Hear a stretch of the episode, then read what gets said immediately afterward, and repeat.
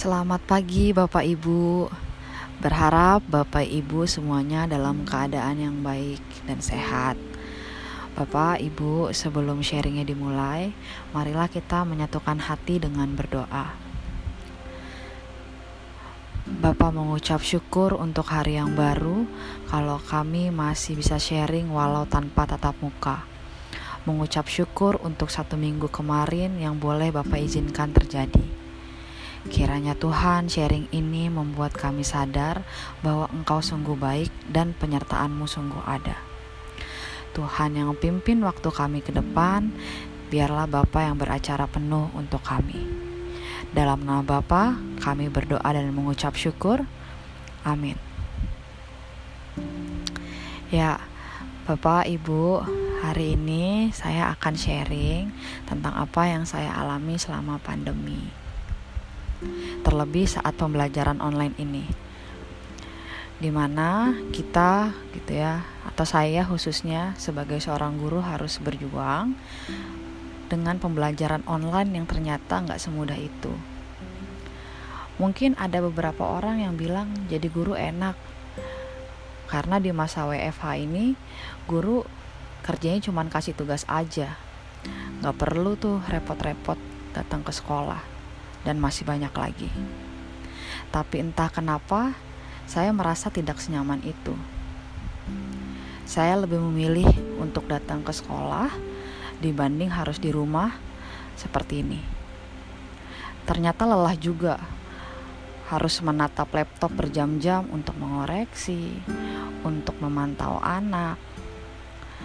Bingung juga harus membuat pembelajaran seperti apa, mengingat mengajar secara langsung saja belum tentu dimengerti. Belum lagi melihat nilai anak-anak yang cukup bagus, namun saat dikonfirmasi kepada anak, ternyata mereka nggak ngerti materinya. Mereka bilang, saya kemarin itu ngerjainnya tanya temen bu, makanya saya bisa ngerjain.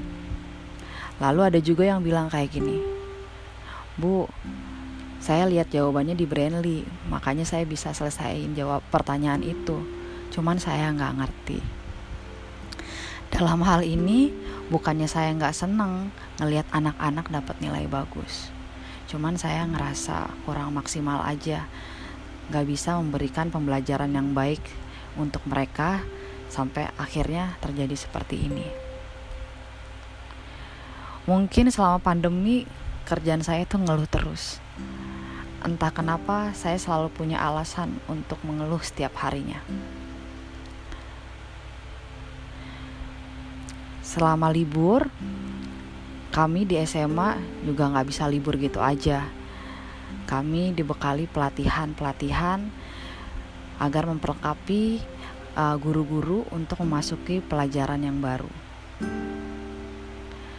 Awalnya itu kesel banget gitu ya cuman setelah dijalanin ternyata itu sangat bermanfaat saya pribadi jadi tambah semangat nih mempersiapkan pembelajaran di tahun ini. Apalagi mengingat seminggu ini uh, pembelajaran juga berjalan dengan baik. Video-video yang disiapkan, kuis-kuis yang disiapkan itu dapat diterima dengan baik oleh anak-anak.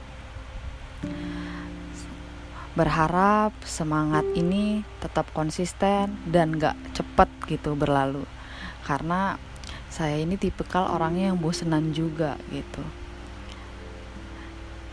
Kiranya Tuhan yang memberikan kekuatan, kesehatan kepada kita untuk bisa melaksanakan peran kita dengan maksimal sehingga nama Tuhan dipermuliakan. Mungkin itu aja Bapak Ibu sharing dari saya. Kalau misalnya nanti Bapak Ibu ada yang mau di-sharing, boleh juga ditulis di WhatsApp group dan kita bisa juga saling mendoakan. Mari kita tutup dalam doa. Bapak terima kasih untuk sharing di mana kami boleh berbagi cerita kami selama seminggu ini bersama rekan-rekan di Atalia. Bapak di situasi pandemi ini kiranya Tuhan yang bentuk kami untuk terus percaya kalau Bapak selalu menguatkan kami. biarlah kami rekan-rekan sama di Atalia boleh sama-sama saling menguatkan, saling mendoakan.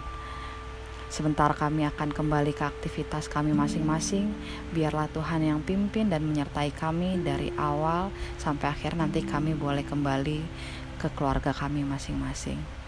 Bersyukur Tuhan untuk semua yang Tuhan boleh berikan. Dalam nama Bapa kami berdoa dan mengucap syukur. Amin.